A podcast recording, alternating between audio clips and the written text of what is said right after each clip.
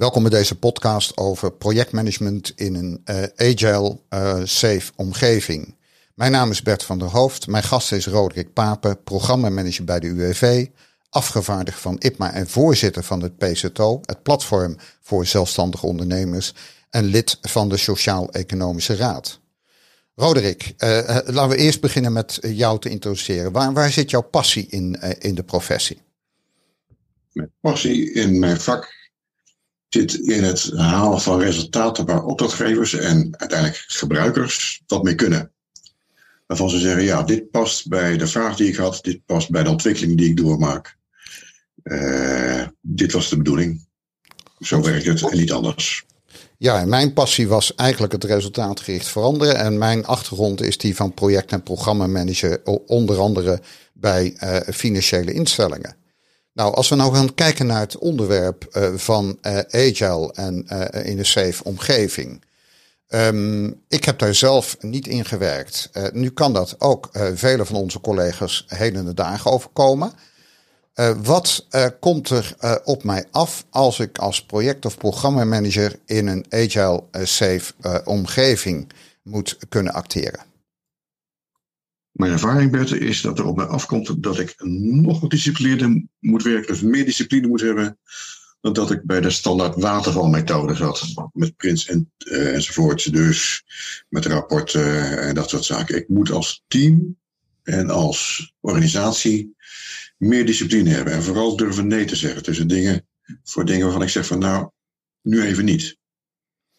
Ja, en als je gaat kijken naar discipline, dan krijg ik natuurlijk als vrije speler met programmamanagement oude stijl, krijg ik natuurlijk het gevoel van, oh, wacht eens eventjes, dat is dat wel agile?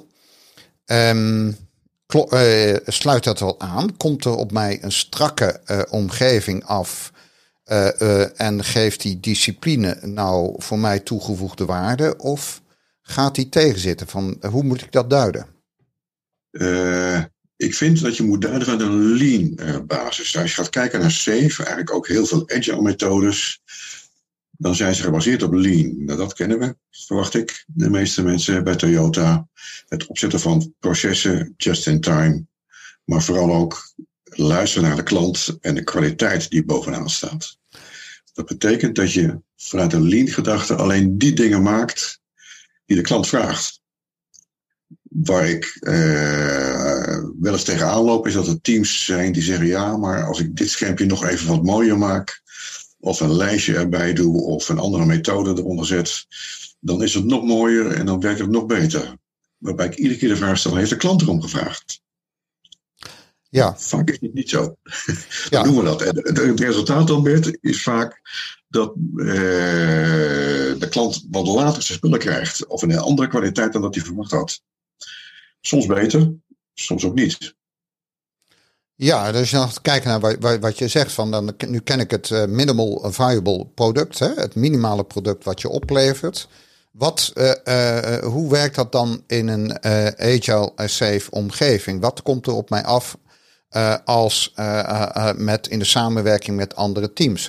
ik kom natuurlijk uit een achtergrond van vanuit de business samenwerken met IT. En nu is er Agile Safe. Wat op je afkomt, is dat je, ik vertaal even heel zwart-wit, uh, een minimal viable product baseert op een waardestroom, toegevoegde waarde. Een product wat die waarde vertegenwoordigt. Value stream heette dat in de vorige C-versies tegenwoordig. Stoppen we dat in release trains. Uh, maar de kern is nog steeds dat product. Dus wat ik ga tegenkomen zijn alle disciplines die nodig zijn om dat product te maken en misschien ook wel te onderhouden. Uh, maar vooral de focus op dat product, op die minimale basis, op de dingen waarvan ik zeg van dit is goed genoeg.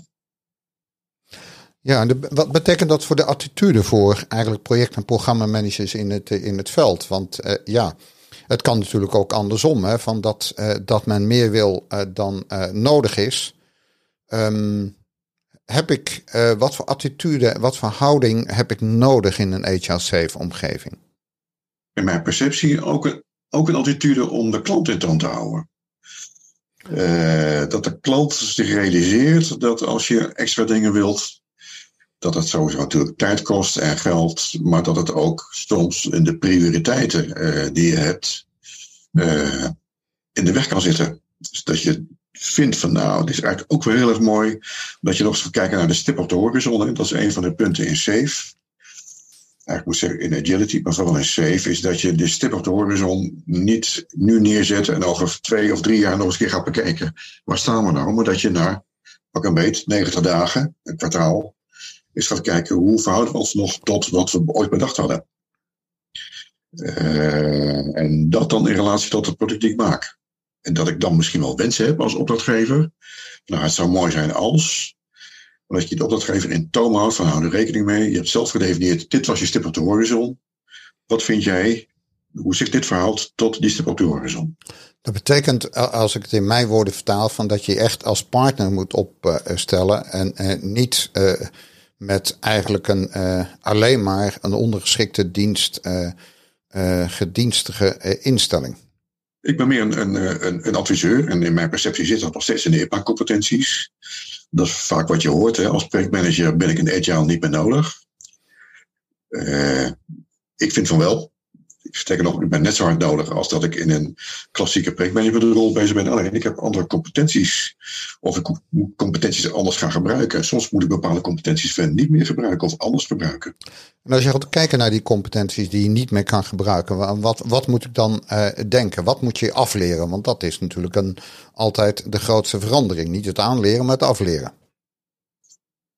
In mijn ervaring is uh, afleren van het uh, rapporteren om het rapporteren.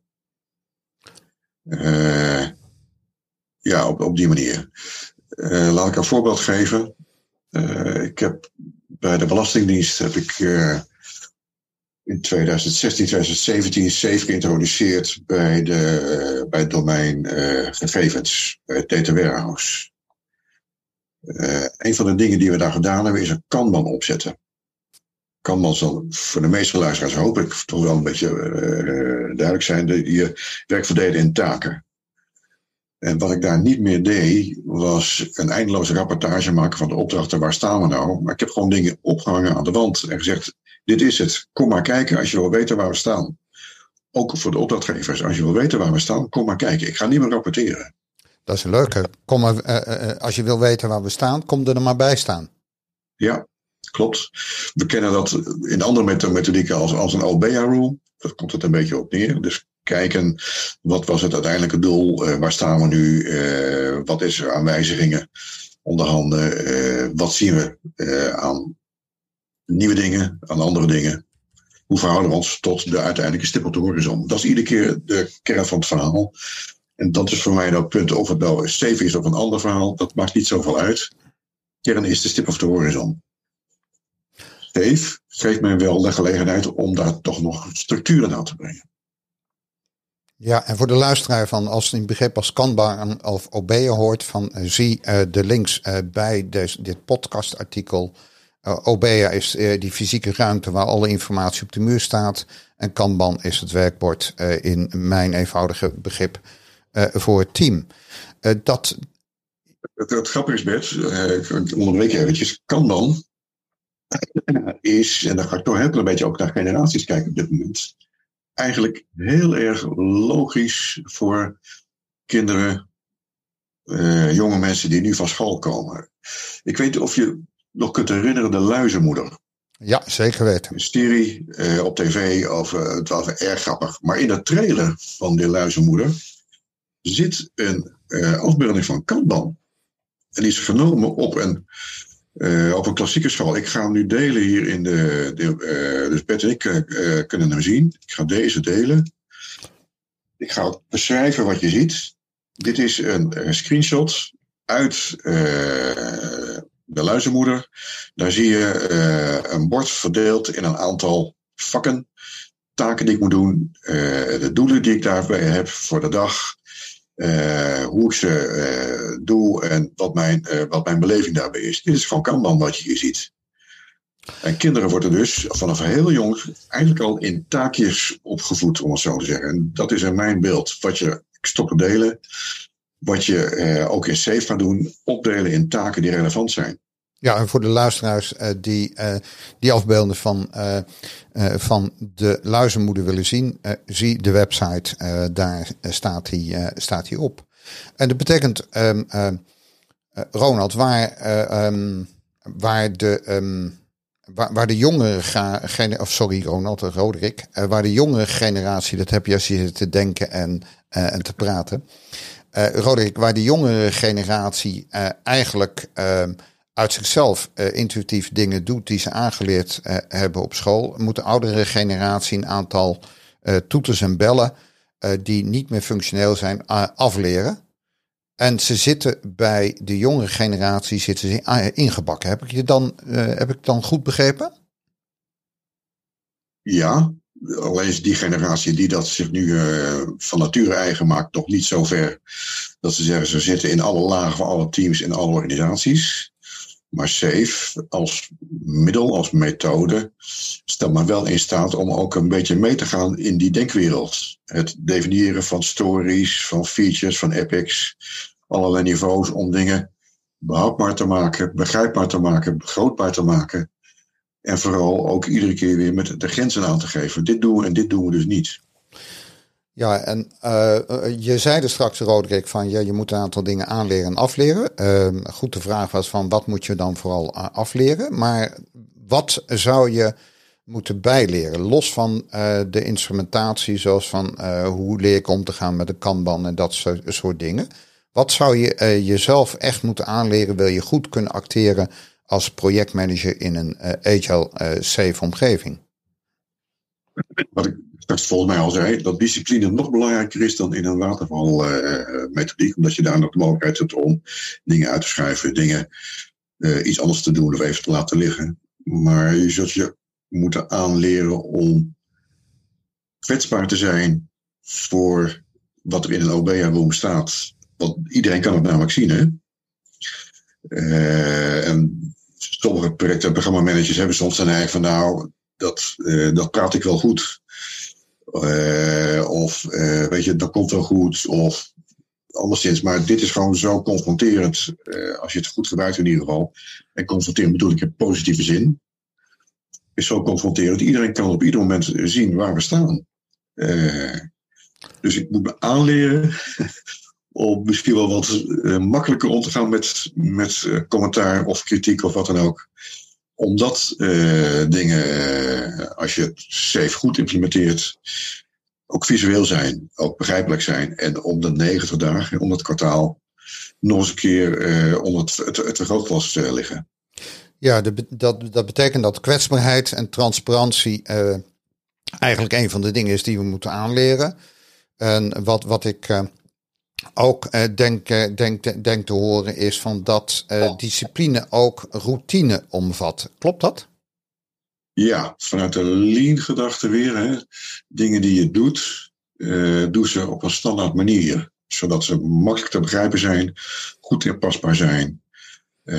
wat niet wegneemt dat je dat vind ik wel een voordeel van SAFE. En er zijn ook andere methodes, dus Lex, Nexus en LES ook ruimte verbieden. Dat noemen ze de innovation uh, sprint, de IP-sprint. Waarbij je gaat kijken naar hoe kan ik nou mijn producten of mijn werkwijze verbeteren. Hoe kan ik slimmer dingen doen die ik, eh, die ik deed? Hoe kan ik dingen standaardiseren? Want dat is iedere keer toch wel het, uh, voor mij in ieder geval de leidraad onder uh, en onder Lean. Zoveel mogelijk standaardiseren, zodat ik weet wat ik krijg, zodat ik voorspelbaar word. Want dat is ook nog een term die uit Lean komt. Hè? Ja. Je wilt voorspelbaar zijn. Je wilt kunnen laten zien, als ik dit nou nog, dit, deze nieuwe uitdaging krijg en ik vergelijk het met iets anders, nou, dat zal misschien de helft meer zijn dan wat we bij de vorige uh, zaak hebben gepresteerd. Maar wat is die helft dan? Die drukken we dan uit in Save uh, en in Lean, nou, vooral in Save, onder story points of feature points. Dat wordt een maat der dingen. En als iets anderhalf keer groter is dan iets anders, dan is het dus anderhalf keer de maat van die ik al heb. Dat maakt mij ook voorspelbaarder. Ook voor de opdrachtgever. Dat die op een gegeven moment ook kan kiezen. Nou, dat is wel heel erg kostbaar in tijd. En kan het ook anders, kan het ook simpeler. Leer je grenzen verkennen. Ja, want een van de dingen die we vaak fout doen is het uh, onderschatten van het meerwerk. Dus als we ergens creep krijgen in onze scope, dan moet je uitkijken, want dat kost onevenredig meer. En dat heb je. Meer, ja, meerwerk kan ook ontstaan doordat we gewoon dingen niet goed genoeg begrijpen. Hè? Ik bedoel, het feit dat we. Ik, ik ga een voorbeeld geven. bij de club waar ik nu werk, hadden we een relatie met een andere partij. En daar moeten we vanuit het systeem gegevens ophalen om in een bron te krijgen. Daar kun je twee statements voor gebruiken. Een push statement of een get statement. Wat we gedaan hebben, puur vanuit de techniek, we hebben het get statement toegepast omdat die klant zei, zo, zo doen wij dat. Zo haal je gegevens bij ons op. Wat blijkt nou?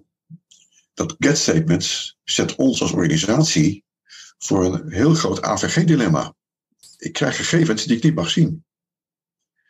Door de methode die de ander voorschrijft. Nou, hier zie je nou een mooi voorbeeld waarvan je zegt van ja, maar opdrachtgever uh, en uh, relatie in dit geval. Hou er rekening mee dat jij ons voor een dilemma zet. Ik kan twee dingen doen. Een enorm AVG-verhaal om mij heen optuigen. Uh, om het alsnog op een of andere manier zien te plooien in een wetgeving. Of ik pak het push statement in plaats van het get, het get statement. En dat betekent dat jij wat moet doen. Push statement betekent voor mij misschien drie, vier uh, sprints uh, extra uitloop. Uh, eh, AVG aanpak betekent misschien in implementatie een enorme uitloop. Ik ben wel klaar, maar je moet de wetgeving ervoor klaarmaken. Daar zie je dat je zo'n de mogelijkheid hebt om binnen Safe daar heel snel, binnen Agile, heel snel de vinger achter te krijgen. Ik had dat van tevoren wel moeten bedenken. Dat betekent eigenlijk ook, als ik het zo hoor, van dat je eigenlijk een attitude moet hebben van wederkerigheid en van gelijkwaardigheid. Dus als je uh, samenwerkt met andere partners in de, in de voortbrengingsketen, dan uh, moet je vooral zorgen dat, dat je vanuit je eigen belang blijft denken. En dat betekent ook dat je die attitude moet uitstralen van nee, geen, geen get, maar een push. Want anders is het voor ons niet acceptabel. Zeker nog, uiteindelijk blijkt dat het ook voor jouzelf als klant niet acceptabel te zijn, want je voldoet namelijk zelf ook niet aan de wet. Um, exact. In dit voorbeeldje. Dat betekent ja. dat, dat je. Je, moet die, die, die, die, die discussie durven aangaan. En Steve, Agile, geef mij de handvat om dat te doen. Ja, nu ben je, in nu, demo's. Nu ben je IPMA Beyer en een van de, de, de, de kerndingen die in IPMA B wordt geleerd is het stellen van de waarom-vraag. Uh, en da daar, uh, daar kietel je nu aan van ja, je moet continu blijven vragen waarom. En als het... Daarmee laat, laat ik u zien dat mijn IMA B-certificaat van waarde is, zodat die, of ik nou C of B door het ANB doe, ik moet die competentie gewoon hebben. Dus dat was even mijn statements in het begin. Uh, als ik uh, als uh, niet zo ervaren Safe Agile projectprogramma-manager binnenkom, uh, moet ik dan andere dingen doen? Of doe ik er niet meer toe met, mijn rol? Nee, ik doe het dan nog steeds zo. Want de competentie die ik nodig heb voor IPAB is. Maakt niet uit welke methode ik hanteer, die moet je gewoon hanteren. En Safe maakt het mogelijk om daar gebruik van te maken. Ja. Um, en Roderick, uh, een, een andere invalshoek. Hè, van nu heb ik ook een verleden in de marketing. En jullie als IT hebben, hebben natuurlijk dat hele gedoe met Agile bedacht. Uh, voor mij als marketeer, als ik die, dat vestje even aantrek, is natuurlijk eigenlijk safe en niet relevant. klopt dat? Hoe doe je dat?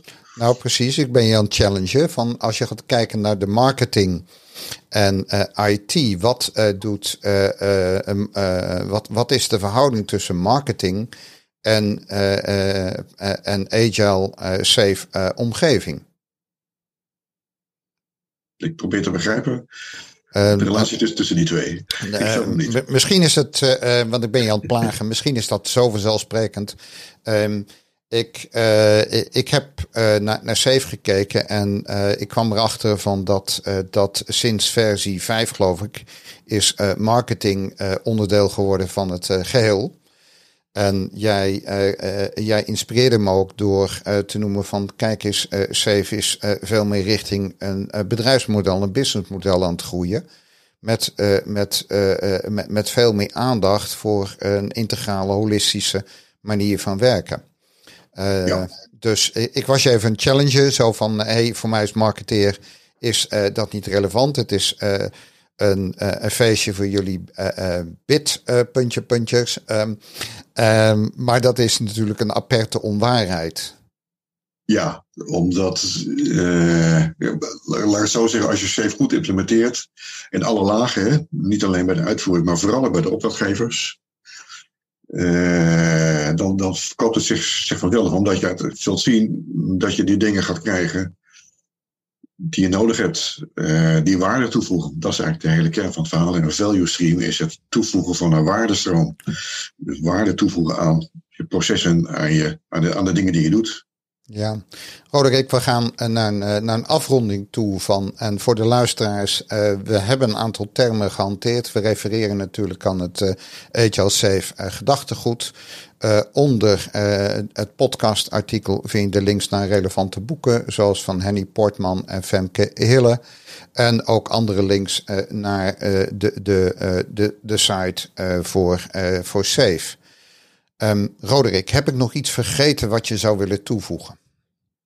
Nou, bij je laatste in ieder geval dat we bij ITMA inmiddels twee soorten certificeringen hebben. Namelijk de standaardcertificering voor uh, uh, D tot en met A op de reguliere methode. Maar we hebben ook inmiddels een aantal stromen voor Agile Leadership. Uh, ik kan me voorstellen dat dat ook een nuttige aanvulling is op uh, de links die er staan. En daar zul je in mijn perceptie, in mijn ervaring in ieder geval, uh, nog wat meer merken wat de ondergronden van SAFE zijn. Dus het lean verhaal, de agility verhaal, de methodieken die eronder zitten, maar ook de, de andere waarden. Oké. Dank je. Mag ik je bedanken voor, voor, dit, voor deze podcast? Ja, ik vind het vanzelfsprekend vanuit een agile gedachte om dit soort dingen te delen. Uh, dank je. En we nodigen ook de luisteraars uit om hun passie in de professie te delen in een uh, podcast. Ga naar de IPMA eh, NL site en je ziet daar in de topbar het linkje naar onze studio om dat ook te boeken. Dus heb je een verhaal, een boodschap, deel dat met ons. Roderick, bedankt en tot in de volgende podcast.